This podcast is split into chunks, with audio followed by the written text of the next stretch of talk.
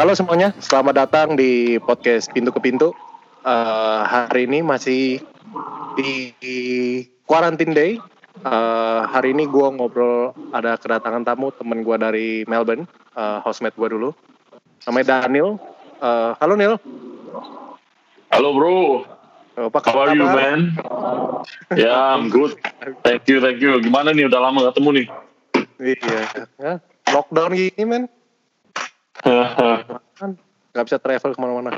Terus, Oke, congrats ya, Eh, baru lahir anaknya. thank you bro, thank you. Nama- baru. Si. Iya dong. Ih.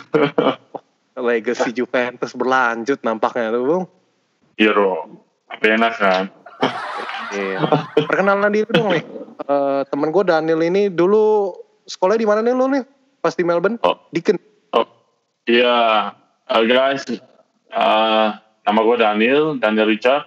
Dulu gue datang di sini 2014, tepatnya kayak seminggu setelah si Kevin di sini tuh. Jadi seminggu setelahnya berarti sekitar tanggal 7, 7, 7, 7 Januari 2014. Gue dulu sekolah di Deakin University, ambil master.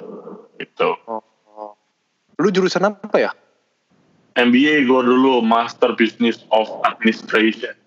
Oh, administration. Iya dong. Sekarang kesibukan kesibukan? Cara kesibukan ya kerja karena karena ini lockdown kan. Jadi gue kan aslinya chef. Hmm. Ya berhubung ini temporary apa nih istilahnya kayak lockdown tapi yang bersifat sementara kan. Jadi para eh, coba restoran-restoran pada tutup semua kan. Oh. nggak boleh ada buka. Akhirnya ya udah mesti nyari pijakan lain. Kira Oh. Jadi ya? hmm, aslinya chef tapi akhirnya aku kerja di ini Coptech Computer jadi warehouse gitu computer warehouse Oh, ya, wah, untuk buat sementara sih buat Hmm. Koptek kalau mau sponsor ya baru disebut. Di Mau kalau mau keyboard. mouse Siapa tahu yang mau beli USB ya dari Melbourne. oh iya Jadi jadi ya goib. Terus uh, Legend. kondisi gimana? Kondisi sekarang di Melbourne? Ya, Melbourne kalau dibilang sepi sih nggak terlalu sepi juga ya. Tapi yang jelas ini kita udah kayak ada kayak di Indo itu PSBB. Jadi di sini itu maksimal ke mana-mana cuma bisa dua orang. Ya, jadi ada restriction gitu. Terus yang boleh buka cuma supermarket, bank, terus sama hospital. Ya, terus yang restoran yang boleh buka pun yang take away semua, yang dine in nggak bisa kayak gitu. Oh, kayak gitu. Berarti sekarang delivery delivery jadi banyak loh. Jadi banyak emang delivery gitu. Dulu kan delivery susah. Kalau kalau jalanan, jalanan sih dibilang sepi banget juga kagak. Kayak berkurang sih, yes berkurang. Definitely less lah, ya kan. Tapi nggak sepi-sepi amat. Oke lah, cuman nggak ada macet gitu nggak semacet kayak kapan. Jadi orang-orang tetap ada yang kerja sih, tapi memang udah berkurang, jauh lebih berkurang. Gitu. Oh, terus lu ada update nggak sih di Melbourne tuh udah berapa banyak yang kena? Melbourne paling sampai sekarang ini mau bicara keseluruhan ya, ke Australia keseluruhan Ya. udah bisa ada kayak hampir sepuluh ribu ya, kayak Indo.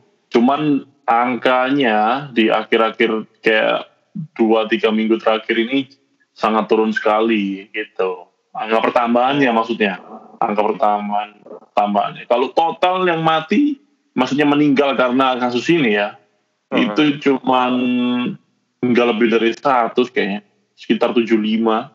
Oh, berarti mereka sistemnya ini lockdown atau apa pun ini lumayan berhasil dong ya? Memang sangat berhasil dan orang-orangnya nurut gitu, karena memang mudah diatur ya. Orang ya ada yang bandel kayak tetap nggak tetap aja keluar terus nggak ada social distancing tetap ada tapi angkanya itu nggak berarti kayak gitu tetap Oh. orang-orang pada umumnya generally mereka nurut jadi gampang diatur jadi angkanya pun nggak gila kayak di negara lain gitu termasuk Indonesia gitu. Terus sorry, eh, lu asalnya kan dari Surabaya ya, dan ini dulu Mhm. dari Surabaya, ya kan, terus kuliah masternya di Melbourne. Ya. Hmm. Nah, terus kalau misalnya menurut lu nih, Nil, ya lu kan udah lihat nih di Jakarta tuh angkanya tuh parah nih, naik Mhm. terus, gitu loh. Oh. Kadang-kadang naiknya nggak kira-kira. Waktu beberapa hari Hmm. lalu tuh naiknya 500, 400. oh ya ada hmm. Nah, oke terus terus kalau kalau gue denger nih ya dari sistem gue sih lihat di berita-berita juga ada ya. Di berita-berita terus denger dari lu ya. Gue tuh nggak ngerasa kelihatannya nggak beda jauh sih sistem PSBB di Indo sama di Mel di Melbourne atau di Australia. Tapi kenapa berhasil ya di Australia? Ah, Menurut gimana? Oke, ini ini opini aja ya, ini opini gua aja nih. Jadi gini, menurut gua pertama-tama jumlah penduduk, ya kan? Kita lihat dengan apa ini? Kasat mata aja dari yang paling kelihatan. Indo berapa nih? 275 juta kalau nggak salah. Penduduknya, jumlah penduduknya. Lah. Banyak. Australia cuman 25 which is 10 kali lipat. Oke, Ya kan? benar Sekarang kita bicara soal capital city, sekarang Jakarta. Ya kita pada tahu semua lah, Jakarta semua datang ke Jakarta. benar Plus penduduk Jakarta. Jadi pendatang plus penduduk Jakarta. Jadi susah mau lockdown gimana? Mereka apalagi orang yang kerja harian, ya kan? Orang kerja harian kalau hari ini di lockdown misalnya. Hari ini mereka nggak keluar. Keluarganya nggak makan. Iya kalau dia cuma hidup sendirian. Kalau dia masih bujang atau belum nikah. Ya, kalau dia punya anak istri, gimana dong? Kayak contoh nih, supir ojol, supir taksi. Gimana? Hari ini nggak keluar? Ya satu rumah nggak makan. Berapa kepala itu? benar-benar kayak gitu. Akhirnya, akhirnya dilema gitu. Sedangkan yang seperti itu itu nggak hanya penduduk Jakarta. Pendatang pun juga kayak gitu gitu. Susah. Akhirnya itu yang faktor pertama faktor kejahatan faktor yang kedua menurut aku jadi gini. Mhm. lu lihat sendiri lah. Di Jakarta kan ada kayak eh, kayak kayak gang-gang kecil gitu bayangin Betul. aja Ah, ya kan rumah di pinggir-pinggir kali sekecil-kecil itu ah. mereka gimana mau social distancing? Ah, bahkan ya, ini ini Oh. ini ini pengalaman gua pengalaman gua sendiri nih. Tapi di Oh. Surabaya. Jadi gua pernah ke rumah rumah kayak Pak D-nya temen gua sendiri. Gitu. Mhm. Jadi waktu gua datang ke rumahnya, begitu pintu dibuka, rumahnya tuh ya itu, maksudnya gini, ruang tamunya itu, ruang makannya itu, ruang tidurnya juga itu. Jadi Hmm. isinya kulkas, isinya kasur, isinya semuanya di situ. itu tipe studio lah iya, kayak studio kayak gitu, kayak kayak kayak Oh. apartemen, di apartemen gitu. Tapi itu rumah. Bayangin aja sekarang nggak semua orang punya punya sendiri gitu loh. Macam kayak kayak ruangan sendiri. Contoh nih, ya misalnya lu, lu, lu satu keluarga keluarga ada yang positif nih. Katakanlah bisa di bisa di apa nih self isolation. Iya, self isolation itu artinya lu bisa bisa bisa lockdown diri lo sendiri di di di di isolate Sama. diri lo sendiri di rumah di kamar. Nah, tapi kalau rumah kayak or- rumahnya kayak orang ini nggak punya kamar sendiri, ngumpulnya di satu di situ gimana? Iya Otomatis sih. terinfeksi semua kayak gitu. nggak Dan itu rumah tidak juga sengsara ya. Nah, belum lagi tetangganya kan dekat banget rumahnya, cuma dibatasi sama kayak kayu doang gitu. Iya sih Ya kan tiap hari keluar, ya kan. Ya susah, memang benar-benar susah. Keadaannya nggak semudah di Australia. Itu. Hmm, Nah, faktor-faktor yang lain-lainnya. Makanya kan susah banget nih. Kayak Jokowi bilang dulu mau di lockdown, kita nggak akan pernah lockdown. Memang benar kalau sampai lockdown, kacau Indo mah. Toko-toko Iya. pada dijarahin semua. nah itu Nggak Iya, lockdown aja banyak kejahatan, apalagi lockdown. Aduh, gitu. Nggak imbang gitu antara aparat, pemerintahnya, sama penduduknya itu nggak imbang. Itu overwhelming akhirnya ntar gitu. Nih, terus ini kan tahu nih ya di Indo gara-gara PSBB gini nih, ya kan? itu tuh banyak perusahaan-perusahaan yang tutup ya kan banyak perusahaan tutup Hmm. itu jadi meningkat unemployment di Indonesia nah itu kita udah tahu nih yang kita belum tahu banyak orang belum tahu ternyata di Australia itu juga unemployment-nya itu juga tinggi gara-gara ini contoh ini gue kutip di Channel 9 ya Oke. The Aussie workers left stranded as coronavirus destroy jobs. Jadi si Mm-mm. ibu ini itu punya anak autis, men. Dia Oke. punya anak autis, dia single parent, ya kan? Dia biasa kerja di cafe sebagai chef. Tapi kali ini kayak bosnya itu nggak bisa kasih dia roster sama sekali. Dan malah harus let go. Alasannya si bos, ya kan? Kalau Hmm. misalnya sekarang gua lepas lo, eh kalau misalnya gua sekarang gua pertahankan lo, ya kan? Gua tuh Hmm. dua bulan bisa bangkrut. Nah, Hmm. kalau di Indonesia kemarin itu sampai terakhir ya banyak memang yang banyak pengusaha nggak bertanggung jawab sih. Jadi langsung cut cut aja kayak gitu loh. Sampai mereka ya urus diri sendiri. Nah, kalau kayak lu nih, kan lu kan juga tadinya chef, tapi kan lagi ng- nggak ada kerjaan di chef nih. Kemarin itu dari atasan ada kebijakan nggak sih? Kan tahu-tahu nggak ada pemasukan gini. Hmm. Oke, jadi yang yang yang di Indo aku juga gue ada denger denger sih dikit-dikit baca berita dari detik.com, dari updatean sosial media. Terus Hmm. yang di Aussie yang tadi itu baru denger ini kali ini. Ya. Mengenai di Aussie, angka unemployment-nya memang tinggi. Memang benar. Kemarin aku baca berita itu sekitar kayak 2 sampai 3 juta orang bakalan unemployed gitu. Termasuk Aussie. Jadi I consider myself very lucky. Gue masih tetap kerja itu benar-benar super lucky sih gitu. Karena Aussie Australian sendiri yang permanen ataupun yang citizen itu mereka juga struggle gitu. Bahkan banyak yang banyak yang contoh kayak perusahaan-perusahaan besar kayak Virgin, perusahaan penerbangan. Itu aduh udah mau tutup. Mereka beruntung shareholdernya ada 10 kan. Jadi mereka mungkin mau patungan atau gimana. Tapi memang pemerintah udah ngeluarin statement bahwa mer- pemerintah nggak akan bantu Virgin gitu. Itu yang satu. Terus mengenai ke tempat kerja gua bos gua udah waktu mau tutup mau mau di lockdown itu bos gua udah ancang-ancang emang. Dia bilang gini "Eh, guys eh, mulai minggu depan mungkin kita buka malam doang. Jadi pagi enggak siang enggak jadi cuma malam. Karena ini udah sepi-sepi. Mungkin dia udah kerasa ya. Oh, jadi akhirnya padahal itu barusan diumumin ternyata minggu besoknya. Bukan cuma buka malam pemerintah udah anjurin kita untuk tutup semua. Akhirnya nggak jadi buka malam tapi malahan tutup. Bener-bener tutup. Gitu. Akhirnya tutup. Terus bos bilang gini ya kita nggak ada pilihan. Akhirnya ya statusnya sih bukan dipecat ya. Apalagi kayak gua nih full time. Jadi Hmm. yang di restoran gua ada tiga orang yang full time termasuk gua. Itu nggak ada kata-kata pecat nggak ada berhenti nggak ada apa kayak pemutus pemutusan hubungan kerja gitu nggak ada. Jadi kayak mereka malah waiting for the time to come back gitu loh. Gitu loh. Hmm, jadi mereka akan menunggu sampai kembali gitu loh. Bukan bukan udah sampai sampai tadi sampai sampai sekian dulu. Besok besok kalau buka lagi ya cari empl- apa employee lagi. Bukan bukan seperti itu. Oh, Jadi dirumahkan mereka lah ya. Dirumahkan.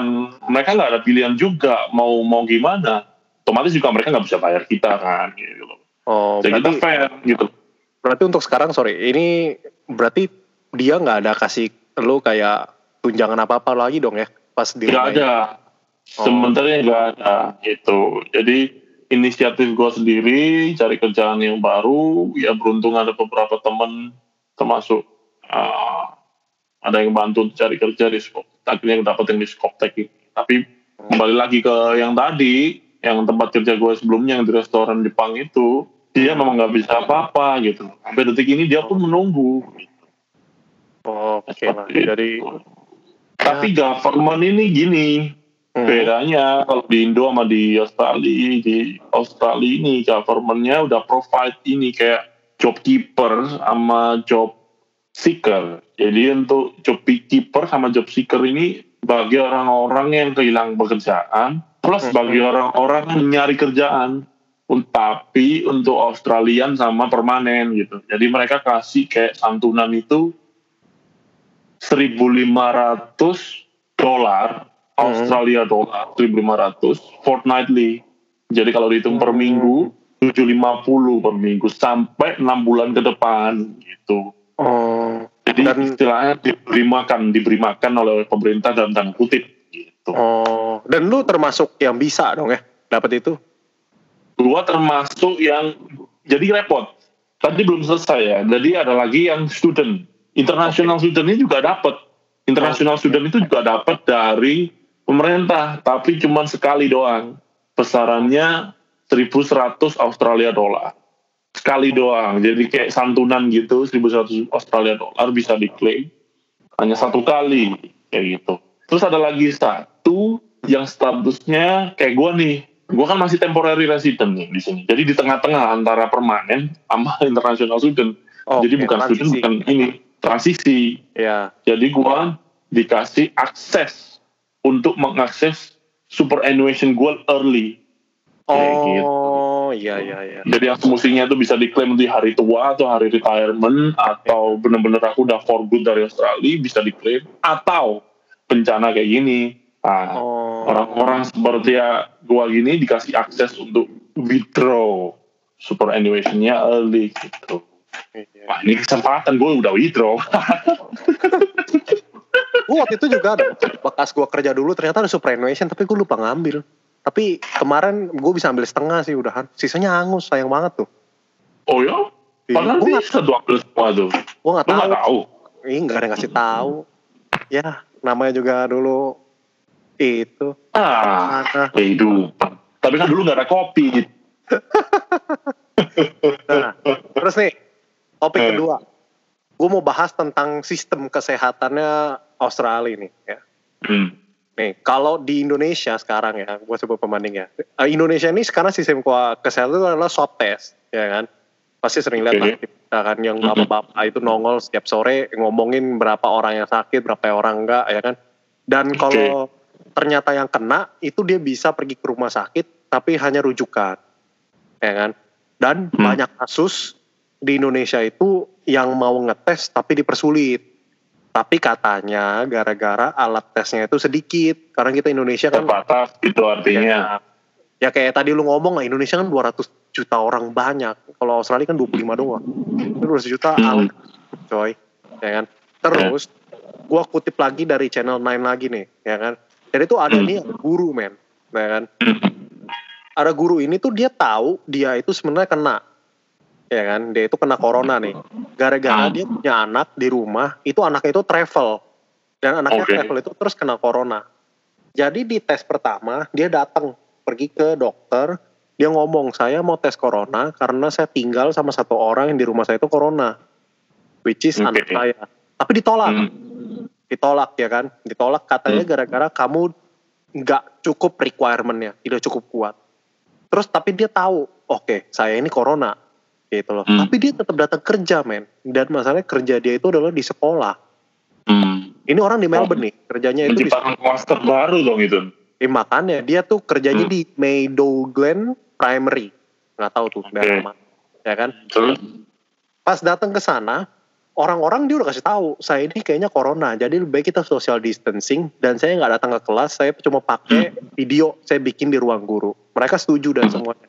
Tapi pas pemerintah tahu kalau dia udah masuk kerja tanpa dites, pemerintah kayak kalang kabut men. Sekolahnya langsung disegel. Oke. Nah, menurut lu nih, ini berita nih, ini tuh cuma kalau pengetahuan lu pribadi ya. Apakah Hmm. benar tes di Melbourne itu segitu susahnya? Atau sebenarnya kayak ada akses nggak sih kalau mau ngetes-ngetes gitu bro? Nah, jadi gini men, kejadian itu tepatnya kapan itu belum belum belum gue belum tahu sih.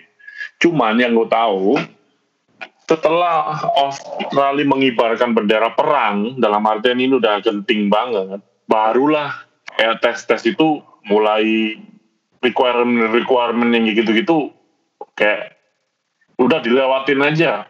Dia ini udah laporan bahwa anak anakku ini lagi positif kan nggak mungkin kalau dia nggak positif ya maksudnya chance-nya untuk positif tuh gede banget kan Oh. itu waktu dulu waktu dulu kayak masih belum belum begini belum sampai lockdown belum sampai serius gini belum genting kayak gitu. Oh. mungkin kalau orang itu terjadinya kayak kayak waktu-waktu yang sekarang ini itu bukan hanya dia yang di bawah satu keluarga pasti masuk ke isolation gitu karena Oh. Australia ini semenjak diperlakukan lockdown semua warga Australia atau warga permanen yang lagi di luar Australia disuruh pulang. Pertama setelah kamu disuruh pulang begitu kamu pulang kamu langsung ditaruh hotel isolation sama mereka. Di, difasilitasi hotel itu. Oh. jadi misalnya kayak misalnya kayak gua gua nih PR nih permanen nih. Gua lagi Mhm. pulang Indo disuruh pulang sama Australia, pemerintah Australia eh balik balik ke Australia nah begitu gue nyampe ke Australia langsung masuk isolation di hotel deket airport Oh. 14 hari itu benar-benar mereka yang provide gitu memeranginya sampai kayak gitu Buat homeless tuh cocok buat homeless. nah, nah. Homeless kan? Terus sekarang nih kalau kalau jadi nggak bisa lihat ya. Sekarang ini mereka nerbitin kayak app gitu, namanya Australian Government Coronavirus COVID-19 App, COVID Oh. Safe App. Jadi dia di sini tuh kayak update semua tentang COVID-19 di sini ada. Pertama kayak kolom satu ada symptom checker. Jadi di sini lo bisa kalau lo buka bisa ada gejala-gejala apa yang kamu udah memenuhi kriteriamu tadi, kamu bisa tik-tik sendiri dan app ini tuh connect sama yang pusat. Begitu kamu udah masukin kriteria-kriteria itu, mereka bisa tahu gitu loh. Oh. Ada registrasinya. Lu kalau begitu mau register for isolation, lu bisa apply untuk isolation. Isolation itu bisa berlaku dua, bisa self isolation atau mereka mi- minta mereka yang isolate lo. Gitu. Itu Hmm. bisa dua. Terus ini ada kolom ketiga adalah current status. Current status ini statusnya di Australia berapa jumlahnya total. Sekarang masih ada 7.000 confirmed cases in Australia. Jadi nggak sampai 10.000 kayak Indonesia, Indonesia kan. Total Oh. 6.859. Victoria 6.000. sendiri cuma Victoria sendiri cuma 1.400. Kayak gitu. Oh. Ini ada statusnya. Terus ada kontak bisa telepon di sini. Kontak lagi ini ada Oh. advice apa aja lo bisa bisa lakukan selama ini eh, dalam waktu lockdown ini banyak banyak banget di sini kolom-kolomnya advice in Oh. your language ada job juga ada support businesses ada family. Bahkan nih ada untuk kids. Jadi untuk ibu gimana para orang tua dikasih ide untuk bikin suasana di rumah buat anak-anak itu udah boring kayak gitu. Oh, iya iya iya. mereka benar-benar supportnya tuh bukan hanya fokusnya bukan hanya yang sakit loh. Sampai tapi Psikologi yang ya. sakit pun iya psikologi yang nggak sakit pun juga dibantuin gitu. Biar nggak kan anak-anak nih waktunya sekolah jadi nggak sekolah kan stres kan di rumah. Mereka Iya, gabut melihat ya sebagai iya nggak hanya itu pasti anak-anak kan teman anak kecil masih nanya nih pak aku nggak boleh sekolah nih kenapa? Kok nggak boleh ke mana sekolah? Mereka kan pasti bertanya-tanya. Nggak mungkin dong orang tuanya ini ada bencana alam. Kan nggak bisa mereka diterangin dengan cara seperti itu. Mereka nggak ngerti ini juga Aku nggak boleh ke pasti- Chadston nanti dia nanya. Nah, pasti ya gitu. BTW Chadston itu adalah mall ya di Melbourne tempat nongkrong. Ya, paling gede di daerah tenggaranya Melbourne. Paling gede, mall paling gede di situ. Termasuk yang paling gede, one of the biggest. Buat yang rencana setelah lockdown ke Melbourne harus ke Chadston. Cari kerja Harus. di Chadston. Tapi Cari kalau sekarang ke Chadston, udah kayak rumah hantu. Oh. kayak kuburan. jarang ya angkut. Sekarang cari kerja lu nggak ada dapet di Chadston. Ya kayak gitu tadi. Jadi bedanya penanganan pemerintah yang sekarang dengan yang kayak kita ngomong Februari Januari lalu sangat berbeda sekali. Gitu. Berarti nih, sebentar. Kalau misalnya di Indo sendiri ya, setahu gua tuh kita juga ada apps loh bro. Tapi Ya, itu agak suram sih. Jadi waktu dulu gue pernah download ya. Ini Hmm. untuk yang pembuat apps-nya, mohon didengar.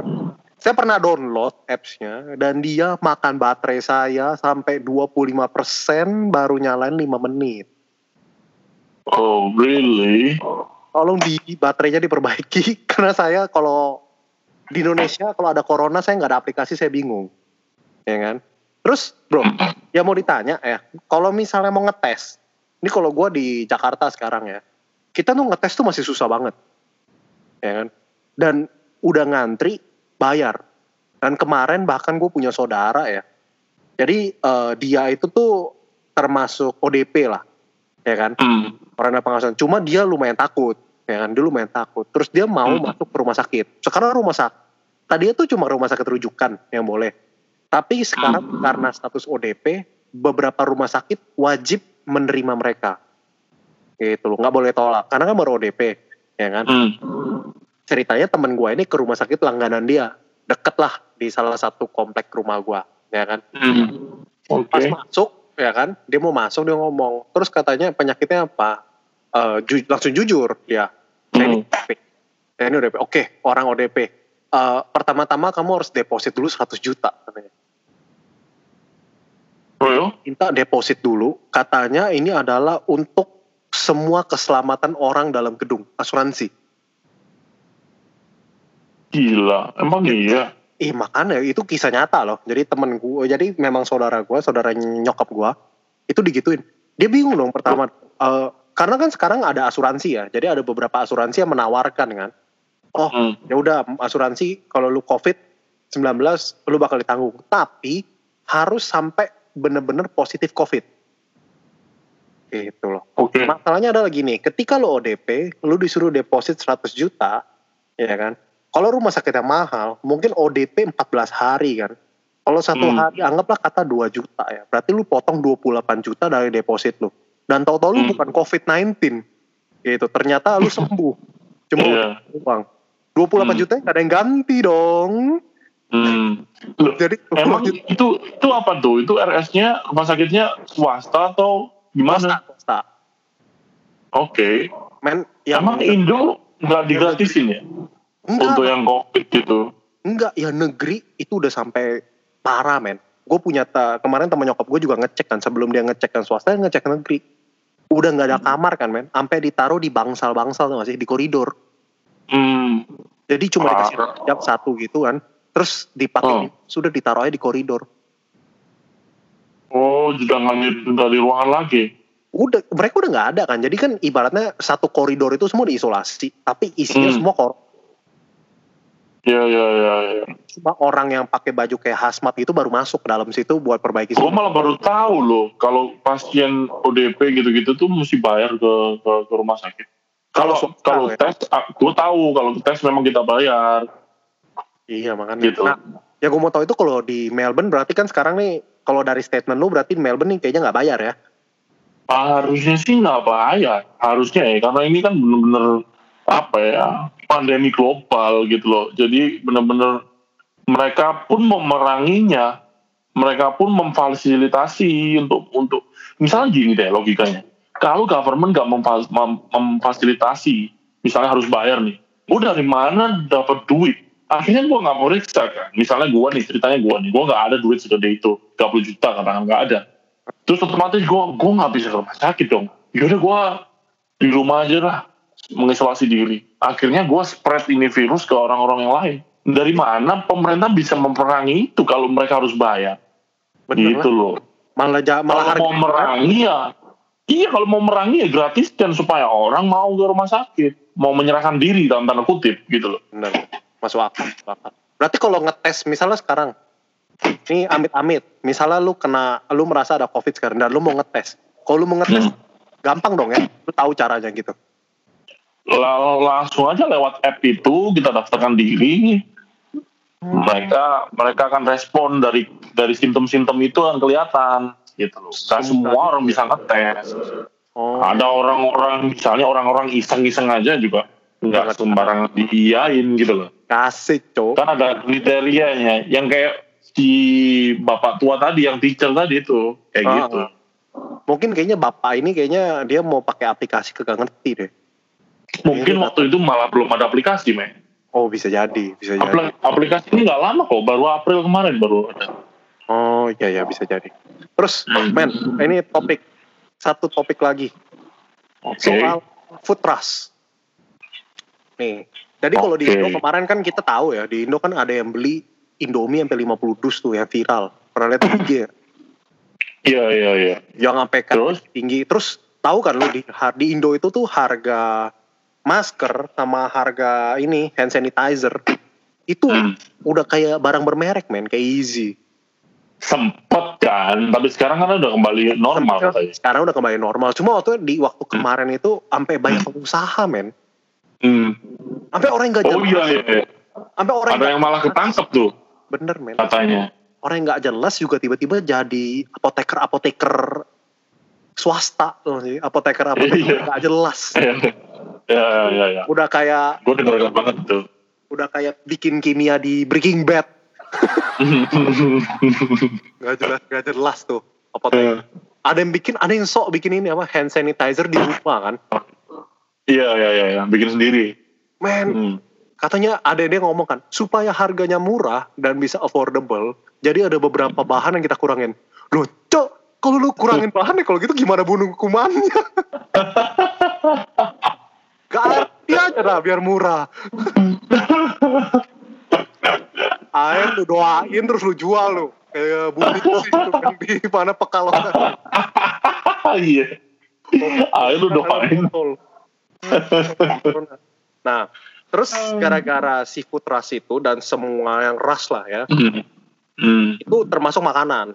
Dampaknya itu banyak kan. Kayak gua kayak gua ya contoh ya. Kayak mau beli Hmm. Indomie itu sempet kayak seminggu itu nggak bisa beli. Cuma ya gua kan keluarga juga nggak hidup dari Indomie doang ya. Jadi gua nggak masalah gitu. Gua Iya, kan masih ada sarimi ya kan. gue bingung kan ya. Gue bingung sih orang yang kiam, bayangin lu kiamat ya. Ini kalau misalnya mereka berpikir mau kiamat ya. Ini bener-bener lockdown ya. Ya lu beli Indomie men. Lu yakin sebelum lu mati lu mau makan Indomie? Masa dia anakku kita udah mau tewas. Nih Indomie dulu satu suap. Eh, Harus kan jangan Indomie kan. Mie sedap kayak aduh men. Nanti apa lagi merek tuh. Tapi tuh intinya gue ngelihat banyak deh hal-hal yang aneh-aneh. Jadi waktu sebelum pas udah isu yang Indomie berdus-dus itu keluar, panik buying gitu kan maksud lo. buying, terus ditambah dengan beras yang habis, gula sampai hari ini masih langka loh ya gula, ya kan? Terus Oke. ditambah lagi dengan mereka itu mulai isu-isu yang kayak, oh eh, bentar lagi sabun cuci tangan habis, bentar lagi deterjen habis, baygon Sehingga menimbulkan kepanikan. Ya, ya gue bingung baygon men. Baygon lo katanya bisa panik buying. Lu ngapain panik beli baygon men? Mungkin nyamuknya pada positif juga nih. Enggak, kayaknya nyamuknya banyak yang unemployed, jadi muter-muter di rumah. Aduh, netizen itu, men. Oke, jadi gini, kalau di OC, Bentar, to bentar, be honest nih ya. men, bentar. Oke oke. Gue baca dulu beritanya. Nah, beritanya kalau di Melbourne adalah Melbourne panic buyers travel to the region to stock up and Hmm. amid coronavirus pandemic. Ya kan? Jadi ada Oke. orang ini, mereka ini Hmm. tuh dari daerah sebentar eh mereka itu dari daerah Foodwork Supermarket North East Melbourne, ya kan? Oke. Dia North Melbourne.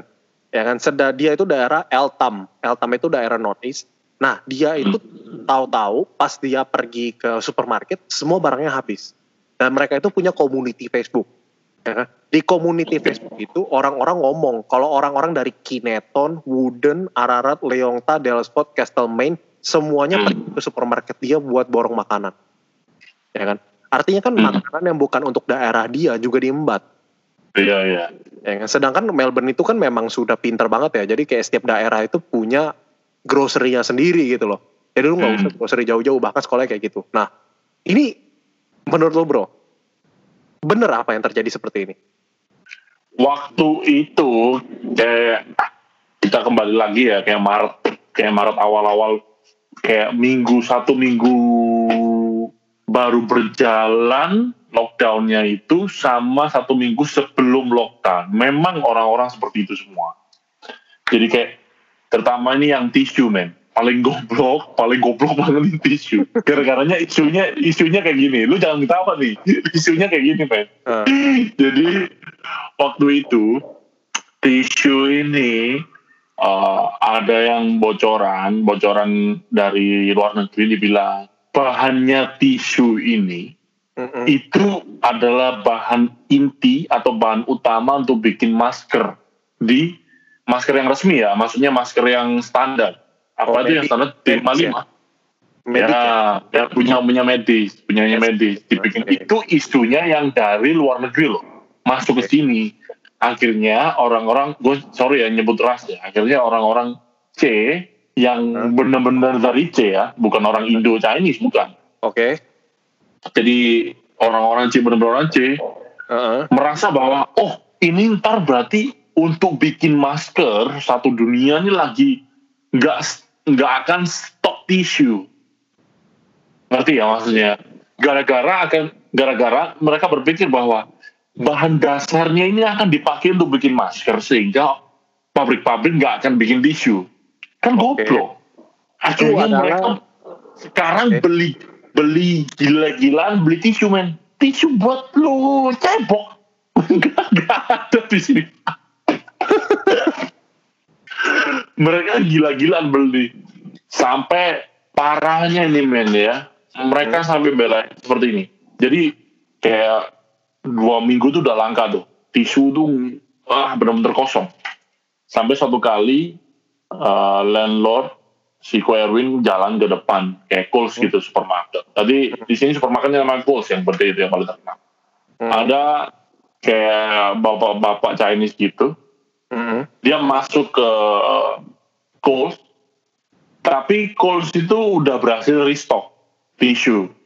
Tapi Hmm. dibatasi setiap orang hanya boleh beli satu roll, bukan satu roll sih kayak satu plastik gede isinya 4 kali 4 16 Satu pack 16 lah ya. roll. Ya, isinya 16 16 roll gitu. Nah, Hmm. dia beli, dia beli, dia balik ke mobil, dia taruh mobil, dia ganti baju, pakai topi, pakai kacamata, ganti beli lagi. Jadi dia dia keluar masuk dua kali, ganti baju, ganti pakaian gitu, dia bela-belain seperti itu. Akhirnya apa? Ketangkep men. Si petugasnya kan, si petugasnya ini kayak curiga sama dia. Ini orang-orang laga, laganya kok sama, cuman ganti baju doang dan jaraknya itu belum ada 10 menit. Baru dia keluar balik lagi. Dia kira dia udah pinter banget, Jir. Wah, ini nggak ada yang ketahuan. Gue berubah gara-gara topi. Tapi itu waktu itu. Suruh pakai topi, pakai topeng kuda Hmm. itu loh, Be.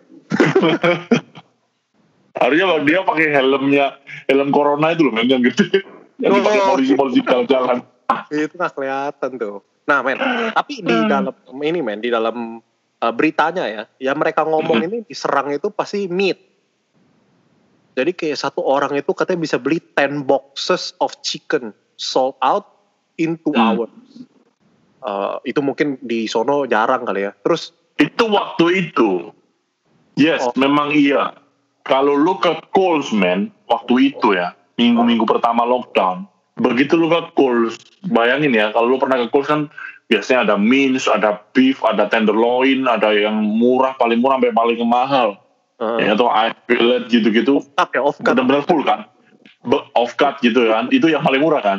Ya. Ini kalau lo yang kemarin yang barusan lockdown ke sana, itu shelf kosong plong, gak ada apa-apa, cuma lampu-lampu gitu. Gak ada apa-apa men, bener-bener udah diserbu habis-habisan orang-orang. Gila. Bayangin gue kerja, pulang kan dari restoran waktu itu kayak 9.30 gitu ya. Gue ke Kohl's. Jangankan beef-beef gitu yang makanan can, can, can food tuh yang kalengan yang gue biasanya gak demen. Itu gak ada semua men, Iya, gak ada. parah banget ya. Parah, men. Parah. Lu tahu roti? Roti itu yang ada, rotinya Jimmy yang gede banget itu loh. Roti yang kayak roti buaya. Tinggal itu. Yang kerasnya kayak batu itu loh. Itu baru ada. Yang lainnya habis. Roti tawar apa nggak ada sama sekali. Notabene Gila, eh, men. Jimmy itu adalah teman kita dulu ya. Pas Yes, yes, yes. Dan Ya. BTW oh Ya, yang dulu sama Daniel patisserie, chef. Iya betul. Yang Hmm. calls yang disebut Daniel ini adalah yang dekat rumah kita dan yang terbesar ya Nil ya di Melbourne. Iya. Dan, itu satu-satunya coast di, di daerah sini yang 24 hours. Ya, 24 hours. Jadi itu itu itu yang terbesar, bayangin aja. Dan kata mereka tuh kayak no flour left, no rice, no potato, Mm. no bread. Emang waktu itu memang gak ada apa-apa, bener-bener gak ada apa-apa. Gitu. Ini di untung gue waktu itu hoki. Begitu restoran gue tutup pertama, bos gue udah ngomong sama staff-staffnya. Kamu ambil makanan yang bisa diambil, kamu bawa pulang semua dari sini. Dia bilang gitu. Jadi beberapa kayak stok kayak ikan salmon, terus kayak uh, beef beef yang udah terlanjur potong di file itu kita bawa pulang kita bagi rata gitu. Daripada mereka mereka juga nggak bisa pakai kan. Iyalah. Lama-lama juga kusut. Gitu. Nah, benar benar benar. Tapi untung sih. Ya, Jadi pas untung. hari, pas hari itu yang pas lu nggak ada makanan, lu gimana pulang? Makan mie dong. ya, bawa, enggak bawa makanan dari restoran itu. Oh, Banyak. pas ya. Pas Oh. gitu loh. Terus Gua kalau jadi toilet paper sambil gua pulang bawa makanan dari restoran, Heeh. gua cek juga ke depan emang lagi Oh. kosong, banyak yang kosong kayak gitu. Terus untuk toilet paper gimana? Toilet paper kebetulan landlord kita udah restock kan. Waktu itu bukan bukan restock memang dia udah stok banyak di gudang gitu. Bukan Ini- karena covid ini loh. Memang orangnya kan memang sudah ready dari dulu gitu. Iya, Lenor Lenor kita tuh lumayan prepare ya. iya benar. Dia yang mau sebelum hujan. Melbourne, tenang aja, karena toilet papernya pasti sedia. ya sekarang udah normal. Tenang aja udah kembali normal kok. Cuman kayak harga-harga beras gitu gitu nggak bisa separuh harga kayak dulu men. Oh, masih harga normal banget kan. Iya dulu dulu kalau kita beli kan tunggu separuh harga kan dulu. Ingat nggak? Iya. tunggu Yep. half price kita beli. Sekarang nggak bakal ada itu. Paling nggak sampai enam bulan ke depan nggak bakal ada setengah setengah Oh, harga. karena kelangkaan juga sih ya. Mm-mm. Terus karena sebenarnya gini men ini Ah. ini ini cuman anu aja ini cuman tambahan additional information aja. Jadi Ah. kenapa bahan-bahan makanan itu malahan sekarang susah? Karena gini men Australia ini pekerja yang di- untuk pertanian ya yang perkebunan juga farming yang di di di di kota-kota kecil yang di pedesaan itu kebanyakan pegawai mereka adalah pendatang Oh ya, migran. foreigner, migran dan mereka menggunakan working visa. eh, jadi kayak sementara gitu, gitu temporary. Mereka dalam bahaya karena mereka pul diminta negaranya pulang ya bisa pulang. Yang yang masih di sini bisa pulang tapi mereka nggak bisa kembali. Oh, benar-benar benar. Gitu loh. Jadi, Jadi short sangat terbatas sekali gitu, shortage banget, iya. Terus dilema juga iya. Mereka nggak bisa datengin kan, nggak bisa datengin yang baru-baru kan. benar-benar. Tapi yang lama itu visa mereka expired soon, very soon. gitu. Oh. Jadi Sedangkan industri pakanan itu tidak boleh berhenti karena nggak berhenti. Kalau berhenti mereka rakyat nggak makan gitu. Jadi dilema. terus ini bro, eh intermezzo aja. Jadi tuh gue Hmm. punya saudara. Ya, kebetulan saudara gue itu tuh baru pindah ke Brisbane. Oke. kan? Nah, pindahnya itu baru sekitar kayak tiga bulan atau empat bulan sebelum corona outbreak. Itu loh, sebelum Hmm. corona pertama ditemukan. Dia pindah dan umurnya udah lumayan tua ya kan. Nah, dia itu tuh namanya orang Indo kan. Orang Indo kan kalau kita ke toilet kan kebanyakan pakai air kan. Hmm. Jadi pas di Brisbane itu juga lagi rush ya kan. Dia nggak Ya. perlu men, dia nggak perlu tisu. Toh dia juga masih tahap di mana belum bisa mempelajari tisu itu dia pakai buat di toilet. Dia masih pakai Oke. air. Ya kan? So? Si cerita, dia tuh ikut gereja men. Ini percaya atau enggak ya? Ikut gereja kan ya. Satu gereja dia itu ngeles men. Gimana caranya di WC itu pakai air. Oh ya? Jadi dia bawa, jadi mereka bikin kerajinan tangan gitu ya. Kayak Hmm. botol-botol aqua, jadi kayak botol-botol bekas dibikin yang biasa orang Indo pakai. Nih orang-orang Indo nih, yang kalau di luar negeri pasti sering nih. Jadi Hmm. alat cebok kita kan, yang darurat kalau di Indo itu tuh biasanya botol air minum. Iya benar. Karena bisa semprot kan, dia ada daya Iya, pumpnya. iya. Iya, ada pumpnya itu. Ada pump. kan kalau gede nggak enak, harus yang pasti tangan kan. Jadi tuh ada Iya. khusus, ada khususnya juga. Benar. Terus jadi mereka Oh, iya? itu, iya kan kalau terlalu gede, yang model kayak aqua gede, kegedean semua. Susah. Hmm. Jadi harus yang kayak ukurannya itu 600 mili. Iya iya iya. udah dibawa ya kan gampang yang aneh yang anehnya yang bingung yang gini loh yang bingungnya gini. Di Melbourne di Australia itu kan airnya tap water ya jadi boleh diminum. Ya kan? Hmm. tapi agak jijik gak sih? Jadi misalnya lu pakai botol itu botol buat lu minum tapi buat lu cebok juga. Tapi Kalau kita ya bener kalau kita lagi ngomongin kayak gitu comparisonnya untuk cebok sama untuk minum. Nah jadi kita pasti mau muntah men. Gitu pasti. Tapi kan lu masih ingat betul kita waktu Nah, cebok tidak tidak di keran yang sama dengan keran yang untuk itu Iya memang, tapi kayak cerita. Jadi teman gue ini di, eh, jadi saudara gue ini yang tua ini di, Hmm. dia itu bikin workshop men, oke bikin workshop. Judul workshopnya itu gokil, judul workshopnya. A solution of toilet paper is so easy as you can never imagine is within your head.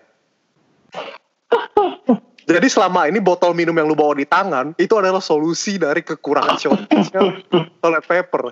Jadi lu bayangin jadi bule ya, Ya jadi bule itu mereka bingung. Haruskah gua give up drink gua hanya buat gua cebok? Gitu.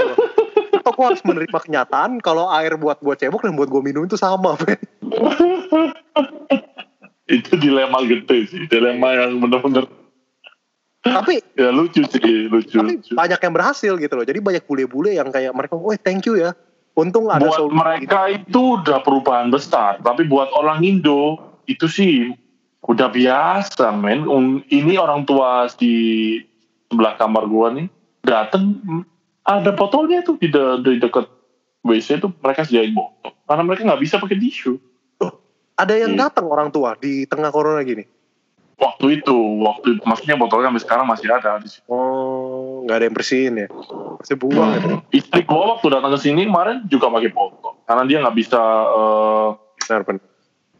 apalagi cewek ya cewek itu pipis pun mereka harus cuci gitu loh Benar-benar. Men, waktu dulu ini out of the box ya. Pas lu belajar Hmm. transisi antara air ke tisu paper, lu butuh waktu berapa lama? Jadi waktu itu di Indo pun kayak di salah satu mall di Surabaya, waktu Tisu, itu sudah ada yang mulai mulai pakai tisu. Di Tunjungan Plaza kalau lo tahu. Itu mall yang paling gede di Surabaya. Waktu Iya, iya. itu ya. Nah, Mereka lagi renovasi semua tuh gedung, termasuk toiletnya. Mereka sudah nggak pakai toilet, nggak pakai. eh, mereka WC mereka adalah toilet kering udah.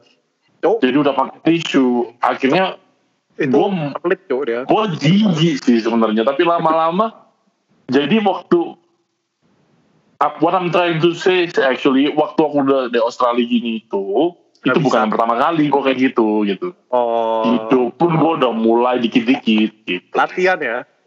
Mm-mm.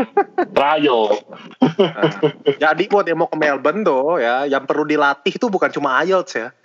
iya Cara- itu yang utama itu Tata itu kan apalagi toilet. orang yang Eh, Nah, apalagi yang orang yang ngelakukan itu yang daily. Gue sih nggak daily ya. Gue kayak dua hari, tiga hari sekali. Tapi ada loh orang yang tiap hari. Ya tiap hari itu yang ngabisin toilet paper bikin sampai keributan. Ya kan? itu harus dilatih. Nih, last last last question. Hmm. Kan?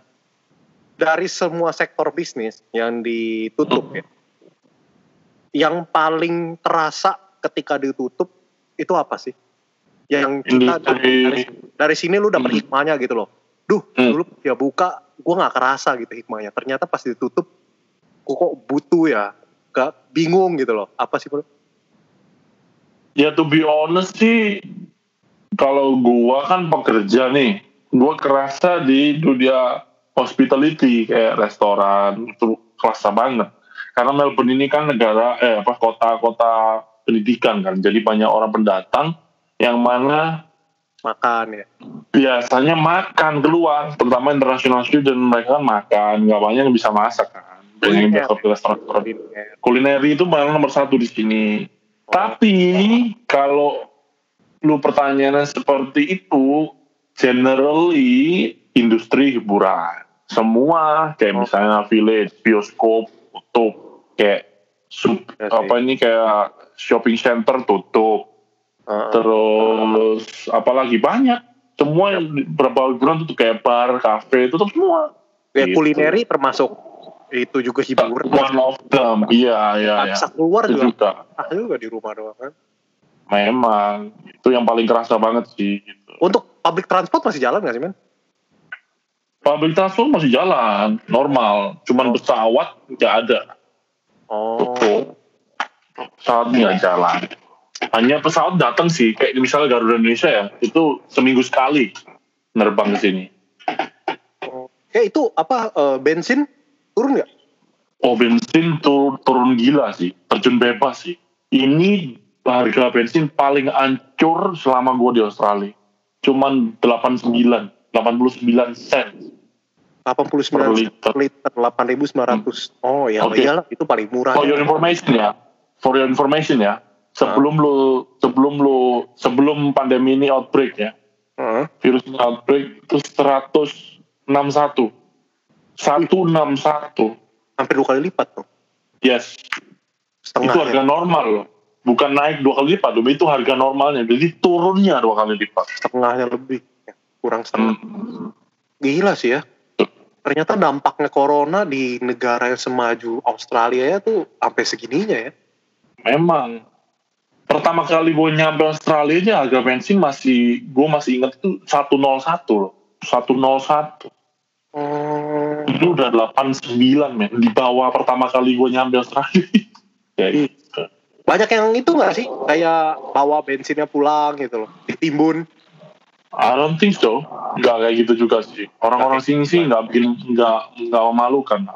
Karena nggak ada yang bensin tapi satu dua mungkin ada. Satu dua mungkin ada orang kayak gitu. Tapi kebanyakan sih nggak kayak gitu sih. Kalau sini orang beli bensin dijual nanti. Iyalah buat motor. pemasukan men. Ya, buat itu. Di sini juga Iya. Indo Indo juga udah tutupnya banyak. Banyak banget Sektor-sektor cuma yang man, yang bandel itu juga nggak kalah banyak.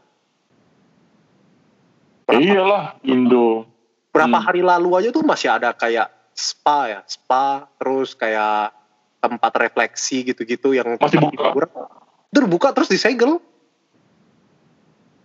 gue lihat di video-video disemprot tuh sama air dari luar. Orang-orang jual-jualan. Tau nggak lu iya yeah, gue lihat juga itu. Itu Hmm. bener loh katanya. Jadi itu disemprot bukan air biasa men. Desinfektan men.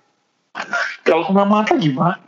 Ya makanya kalau kena mata. Cuma ya mereka kadang yang bingung ya bakar sate men. Jadi bakar sate tiba-tiba desinfektan disemprot. Lu mau angkat lu mau angkat bakarannya kan panas. Eh, lu mau angkat satenya kan banyak. Eh, ya kan? Terus akhirnya dia ngapain? Dia kipas-kipas aja men. Jadi katanya enggak desinfektannya nggak kena. Jadi kayak kemampuan lu mengendalikan angin melawan kemampuan lu mengendalikan air men. avatar. Tapi denger-denger jualan boleh cuman nggak boleh dine in kan? Mesti Iya, take away kan? Memang kalau kita lihat jualannya Indonesia sendiri kan beberapa yang sektor kayak kaki lima itu kan tidak sesuai standar, emang. Ya kan? Ya bukan Em- cuma tidak sesuai standar dalam hygiene ya, tapi Hmm. ya biarpun despite mereka itu tradisional, tapi itu gue merasa kayak pemerintah itu sebenarnya secara nggak langsung juga meracuni secara langsung. Kayak lu desinfektan ya. Gue misalnya gue belinya itu gue mau take away nih, gue nggak makan situ. Tapi Hmm. sate gue jangan disebut saya desinfektan dong. Masa gue makan desinfektan tuh? Hmm. nggak apa-apa kan lu kan udah steril ntar dalam perut men. dicuci kan Ntar gue kayak mawang bingung. Aku siapa? Aku siapa? aduh Lupa diri. Banyak kebijakan-kebijakan juga yang membingungkan sih. Oh terus emang pertanyaan terakhir, ya kan? Pertanyaan terakhir nih. Waktu kemarin nih ada kesempatan kan buat dari lu misalnya yang uh, masih statusnya itu berpaspor Indonesia buat bisa Hmm. pulang ke Indonesia. Kenapa lu Hmm. nggak ambil? Makanya itu tadi yang gue ngomong. Gue bisa pulang. Ah. bahkan detik ini gue udah bisa pulang. Tapi gue gak bisa balik lagi sini. At least sampai lockdown Oh. ini dibuka lagi. Kayak 6 bulan ke depan gitu. Oh gue gak bisa iya, kerja. Masukan dari mana? bener-bener terlalu beresiko ya. Nah, rencananya ini tanggal 4 kemarin gue pulang. Gue beli tiket dari Februari kemarin kan. Beli tiket untuk Mei tanggal 4. Hmm. Enggak gue refund dari Garuda. Jadi Oh, oke. balik balik ini poin kredit kredit. Oh, Gitu. ya, masih mending lah. Paling nggak bisa Hmm. balik kan duitnya. Jadi bisa keluar dari Melbourne bisa, men. Tapi nggak akan bisa balik ke sini lagi dalam waktu dekat. Sampai benar-benar imigrasinya dibuka gitu. Oh, Ah, ini kalau anak, anak istri gua makan apa, men? Gitu. oh benar sih, benar sih. Soalnya Masa mie sejak tadi. perantauan demi sedap aja susah dapetnya di Indonesia sekarang. Bukan ya. Itu kalau eh, dari lu sendiri ya, menurut lu Hmm.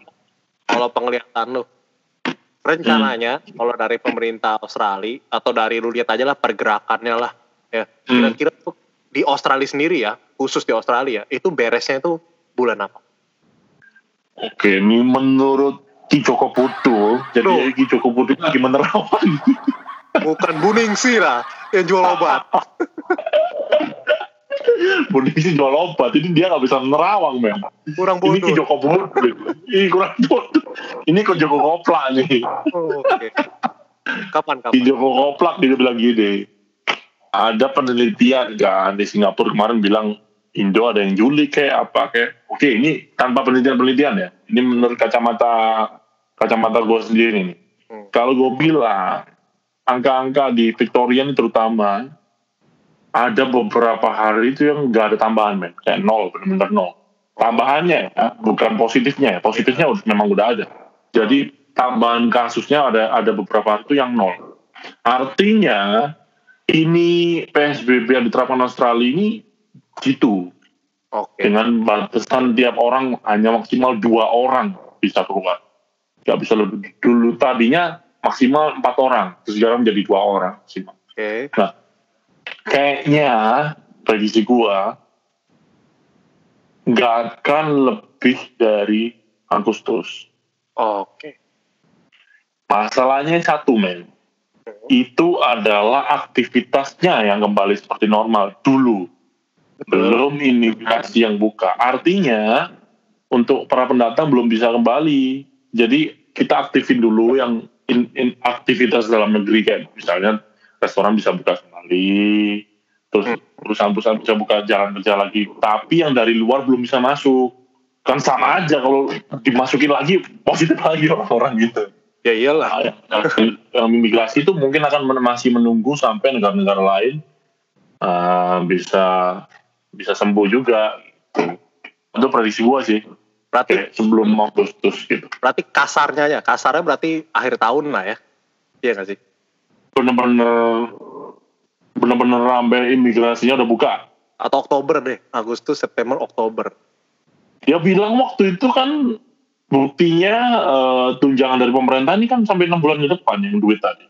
Oh, Berarti iya. artinya estimasinya kembali atau tidaknya aktivitas kembali normal enam bulan ke depan ini waktu yang range yang apa ya expected gitu loh.